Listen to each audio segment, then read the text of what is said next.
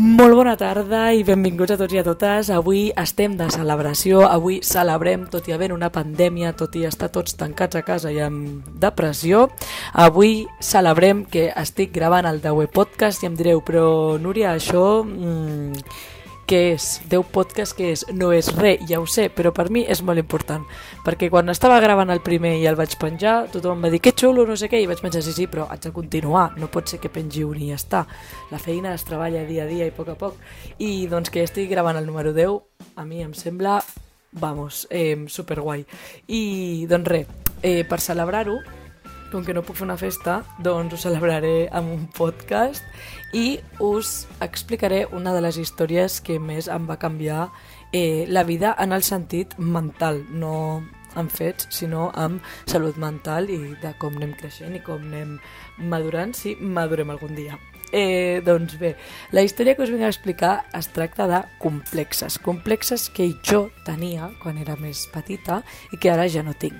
I em direu, quin complexe? Pues el complexe més gran, més gran, més gran que tenia era el meu nas. I molta gent que em coneix dirà, però si el teu nas no per què? Si, bueno, dirà no, és el que em diuen quan jo dic, bueno, jo tenia complex al nas, però el teu nas quin problema té, quin no sé què.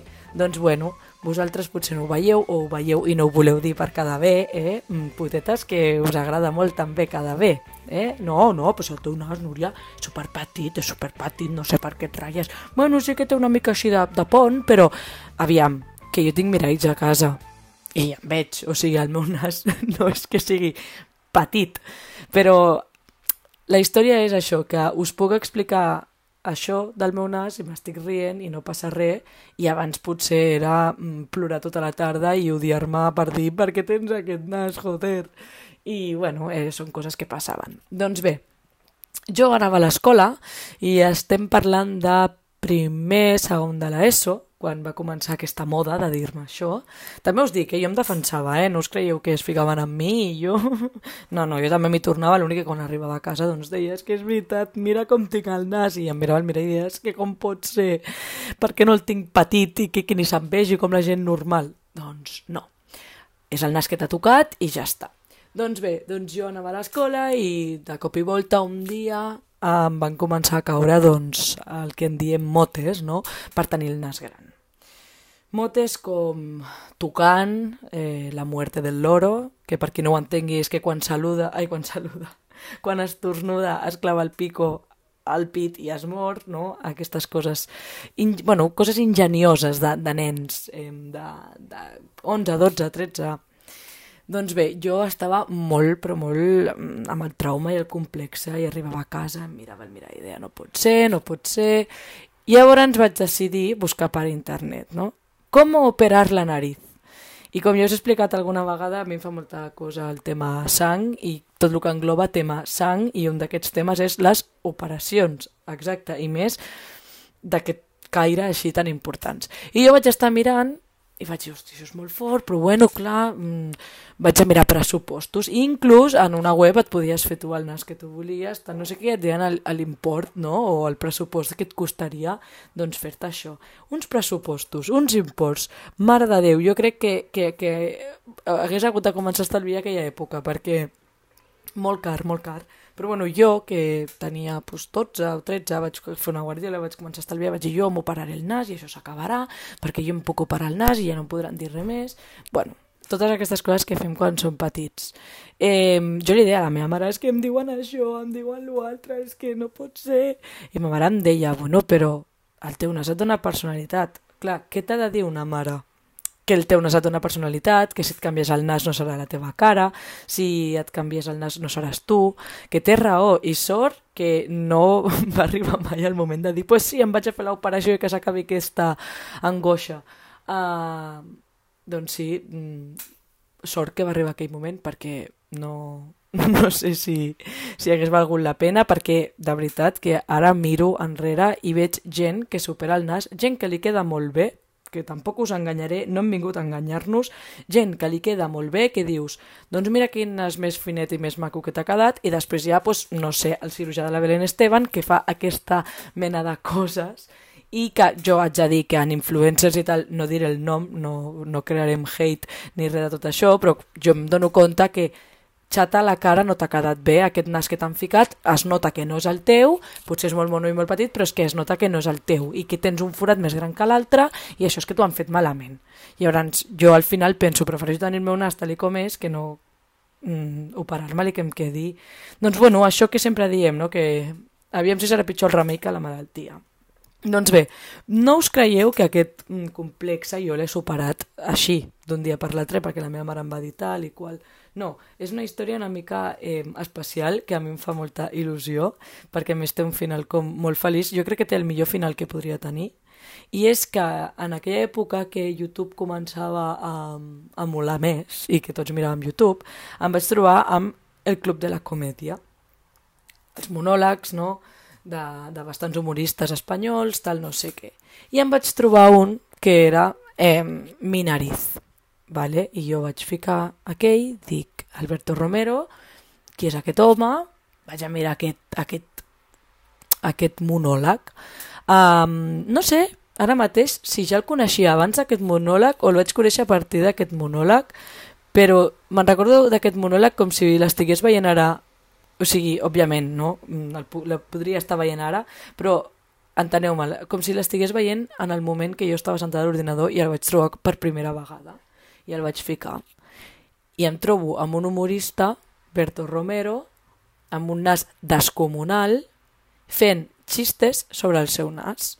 Quan jo en aquella època no podia ni penjar una foto de perfil que se'n veiés molt el nas quan veia que m'etiquetaven alguna foto al Facebook que se'n veia molt al nas, la borrava. Um, no m'agradava ficar-me de perfil perquè no volia que la gent uh, em veiés el nas. Eh, bueno, infinitat de coses que comencem a fer pensant que estem evitant que vegin el nostre complexe i l'únic que fem és que es noti més. Perquè quan tu normalitzes una cosa, aquest ja, ja està. Ja la barrera de lo estrany, lo estrambòtic, lo, lo, el que sigui, ja es trenca. I llavors és aquí on hem de venir, no? Normalitzat. Si el meu nas és així, no t'agrada, no el miris. Ja està, fins aquí. Doncs bé, és el que em vaig trobar, no? Un home que tenia el nas gegant i es reia, es reia del seu nas, però es reia d'una forma que dius, és que, és que s'ho creu de veritat, que, és que li fa gràcia fins i tot amb ell, o sigui, no és un, una ficció, és que tu veus que, que, que li dona igual, o sigui, li dona igual. La frase va ser, jo podria fer la mudança, bueno, el trasllat d'una òptica només amb el meu nas. I jo vaig pensar, si aquest home no té complexa, jo per què l'haig de tenir? Llavors jo bueno, vaig estar pensant, pensant i dic, no, no, si és que ja està, si és que al final uh, no, no és tan greu el que m'està passant, no, no, no és tan greu. Si una persona que, jo que sé, té alguna cosa més greu, no vull dir res re compara comparatiu perquè no hi ha res comparatiu, cadascú sap el que passa, amb el seu cos i amb el seu, amb el seu benestar, per tant, jo no, no puc comparar el que em passa a mi el que li passa a una altra persona perquè no estic a la pell de l'altra persona, però hi ha, hi ha persones que tenen coses molt més greus o, o complexes molt més heavies i jo vaig pensar en aquell moment que el que em passava a mi no era greu, no, no, no m'anava a morir per tenir una mica de pont al nas o perquè hi havia gent que considerava que el meu nas era gran. Doncs bé, en aquell moment el que, el que se'm va ficar al cap automàticament se'm va treure la por aquesta a que la gent veiés el meu nas o què, què diran del meu nas o seria més guapa si no tingués aquest nas, se'm va treure tota aquesta paranoia que m'envoltava i la única cosa que tenia al cap és jo li haig de dir amb aquest home amb el senyor Berto Romero, jo li haig de dir que m'ha curat, m'ha curat mm, la pedra que tinc dins del cap. O sigui, me l'ha curat, perquè jo tenia un problema que ja no el tinc després de 10 minuts de vídeo. Com pot ser? Jo amb aquest home li haig de dir. Doncs bé, jo encaparrada em vaig plantar amb dos amigues a el programa de En el aire, perquè en aquella època estàvem fent el programa En el aire. O sigui, aquella època no, jo ja havia vist el, el vídeo molt abans i perquè l'època que feien en l'aire, que va ser quan vam anar, ja teníem 18 anys, per tant ja havien passat uns anys, i jo sempre deia, jo li haig de dir, jo li haig de dir, jo li haig de dir. Però en aquella època crec que no hi havia programa del Buenafuente, l'havien deixat de fer perquè havien fet un programa que es deia Buenafuente i Buenas noches, que no va funcionar molt, que només va tenir 8 capítols, una cosa així, perquè clar, jo sempre havia sigut molt fan del Buenafuente i amb això, pues, amb Alberto, i veia tots els vídeos de YouTube de de quan feien el, la secció aquella d'Alberto Vision i, tot això. Uh, I, clar, de cop van tornar a fer el programa i jo vaig agafar les meves amigues i els vaig dir escolta, hem d'anar, hem d'anar, hem d'anar.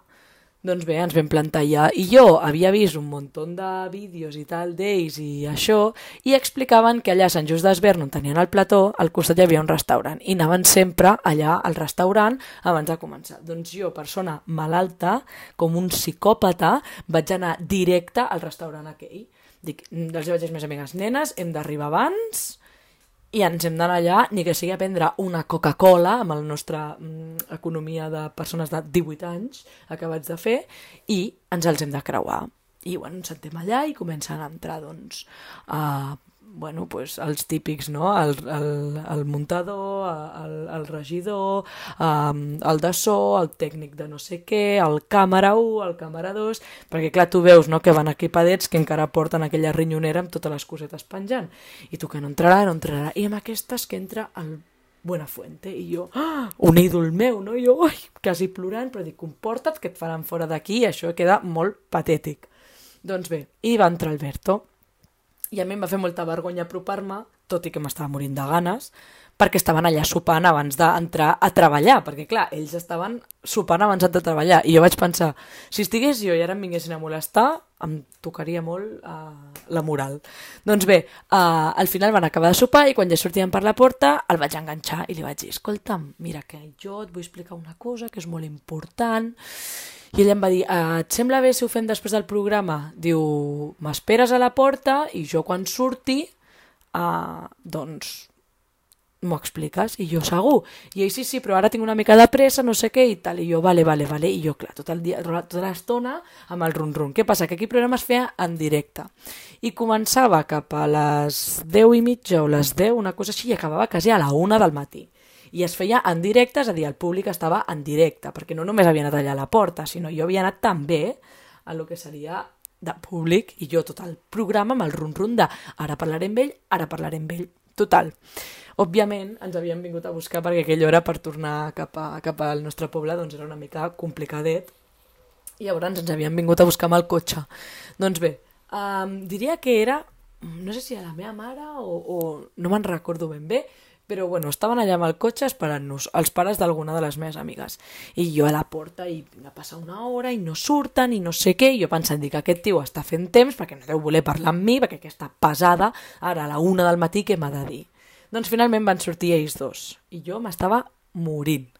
I li dic, hola, que te'n recordes que abans... Diu, sí, sí, però si pot ser una mica ràpid, que tinc dos fills esperant-me a casa. I jo, ho sento, però és que t'ho haig de dir, no sé què... Doncs bé, i aquí ve el moment estel·lar de la meva vida en el qual el complex va desaparèixer completament amb aquesta frase que em va dir. No només em va ajudar el senyor Berto Romero amb el tema de um, el complex, és a dir, amb el tema del monòleg, sinó que en directe, en carn i ossos, em va acabar de fulminar aquest complex que tenia. Doncs bé, estem allà i li dic, mira, t'haig d'explicar una cosa Dic, jo tenia molta complexa amb el meu nas. I em va dir, ah, sí? I jo, sí. I va ser veure el teu monòleg de Minariz, és que crec que es diu Minariz, eh? Mm, no ho he mirat, però jo diria que era una cosa així. I a mi se'm van anar tots els complexes i l'únic que volia era dir-te que moltíssimes gràcies perquè m'has ajudat molt i, i no sé què, ara sóc més feliç perquè no estic preocupada i era una cosa que a mi m'angoixava, que sempre estava pendent d'això, que aviam les fotos, que aviam aquí, que la gent no em miri molt de perfil, i ella agafa i em va dir estic molt feliç de que la meva feina, a banda de, de servir per, per entretenir, eh, doncs també serveixi per alguna cosa més, no? A banda de fer riures i, i humor i això que està molt bé, doncs també serveix doncs, per alguna cosa més. I jo, no, no, si ja t'estic dient que, que a mi m'has ajudat moltíssim. I agafa i em mira i em diu, doncs mira, Núria, no sé per què tenies complex amb el teu nas si el teu nas al costat del meu és d'aficionada. I jo, super feliç de la vida, li vaig dir moltíssimes gràcies. Em va fer una abraçada, una abraçada que encara recordo a dia d'avui. Em va fer una abraçada i ens vam fer una foto junts perquè ja al moment ho demanava. I des d'aquí, doncs res, només jo volia explicar aquesta petita historieta que crec que té un final molt guai i molt especial i diferent i jo crec que no se'n recordarà, òbviament, però espero que, no sé, algun dia li pugui dir te'n recordes fa 10 anys? Doncs mm, moltes gràcies, perquè encara continuo amb aquesta frase que em vas dir al cap. I bé, i això, i a banda de ser una persona que a mi m'agrada molt doncs, la feina que fa, m'ha entretenit molt doncs, els vídeos i, i les seves aparicions en els programes del Buenafuente i, i etc i tots tot els projectes i les feines que ella ha fet a banda doncs, a mi em va ajudar a superar una cosa. I amb això el que us vull dir és una petita reflexió que he fet jo. Aquesta història la sabran molts amics meus perquè l'he explicat crec que a gairebé tothom que conec. Um, però ara ja a banda de la història tot això és per una reflexió. I a vegades les petites coses o les coses més grans, és igual, els problemes que tinguem, per grans o petits que siguin, els podem solucionar en el moment menys pensat. Més que res, perquè jo, quan aquell moment, abans de veure... Aquell dia, quan em vaig despertar al matí, no, jo tenia el mateix complex i tenia la mateixa història. I clar, jo pensava que l'única solució que tenia és que d'aquí doncs 10 anys, si en tenia 13 o 15 o no me'n recordo ben bé l'edat, entorn a, a l'adolescència, pensava que només el solucionaria quan pogués recol·lectar els suficients diners i pogués tenir la suficient edat com per operar-me. I resulta que aquell dia al matí, quan em vaig despertar pensant això, com em despertava cada dia i com afrontava quan anava al col·le, perquè realment la gent de fora no ho viu, ho viu un mateix, no estaràs tot el dia plorant per això, però sí que que hi havia algun comentari, doncs et sentava bastant malament perquè era com una altra vegada, una altra vegada. I aquell dia em va ajudar molt, a, sense saber-ho, que veient un monòleg d'una persona se'm solucionaria un problema que portava arrastrant des de feia uns anys. I se'm solucionaria d'una forma que inclús m'agrada que em diguin pues tens el nas d'Alberto. Pues sí, pues sí, pues m'agrada que em diguin això. I tot i jo sabent que el meu és d'aficionat al costat del d'ell, més que res perquè m'ho va dir ell. Per tant, mmm, digueu-me el que vulgueu. O sigui, us podeu ficar amb el meu nas tant com vulgueu, que ara mateix, en comptes de ser un complex, és com un... Doncs sí, tinc aquest nas i com diu la meva mare em dona personalitat i a més a més em podeu dir que sóc la Berta Romero, és que m'és igual, és un orgull per mi. I això, que la reflexió que faig és aquesta, que a vegades no sabem com, però la persona menys indicada en el moment menys indicat et pot solucionar un problema que pensaves que es solucionaria amb temps i, i diners o, o vés tu a saber com. Per tant, a vegades, qualsevol de nosaltres pot, pot ser la influència per solucionar un problema dels altres. Per tant, sempre és important ser amable i, i, i no crear... i riure's d'un mateix, perquè al final el que a mi em va ajudar és que una persona rient-se d'ell mateix em va ajudar a mi i ara jo mateix em puc riure de mi mateixa. A mi em poden dir el que vulguin i jo em puc dir el que vulgui que, que està superat. Doncs bé, fins aquí el podcast. Ha sigut més un storytelling, però bueno, espero que us hagi agradat molt, espero que us hagi agradat la història. Eh, sabeu que em podeu seguir al meu canal de Spotify, al de YouTube i sobretot a Instagram per enterar-vos de, de totes les novetats que hi ha i de tots els podcasts que vaig penjant últimament, setmanalment. No ho vull dir molt alt perquè a vegades mm, em comprometo i després no, no hi podcast. I, I això, espero que us hagi agradat molt i tot aquell que vulgui pot compartir um, les seves històries o les seves uh, complexes o com els ha solucionat, um, podeu escriure per qualsevol dels canals que, que sabeu i, i podríem fer un podcast especial explicant um, com han solucionat els seus complexes als oients o quins complexes tenen que encara no han pogut solucionar. I doncs bé, fins aquí, un petó i fins a propera.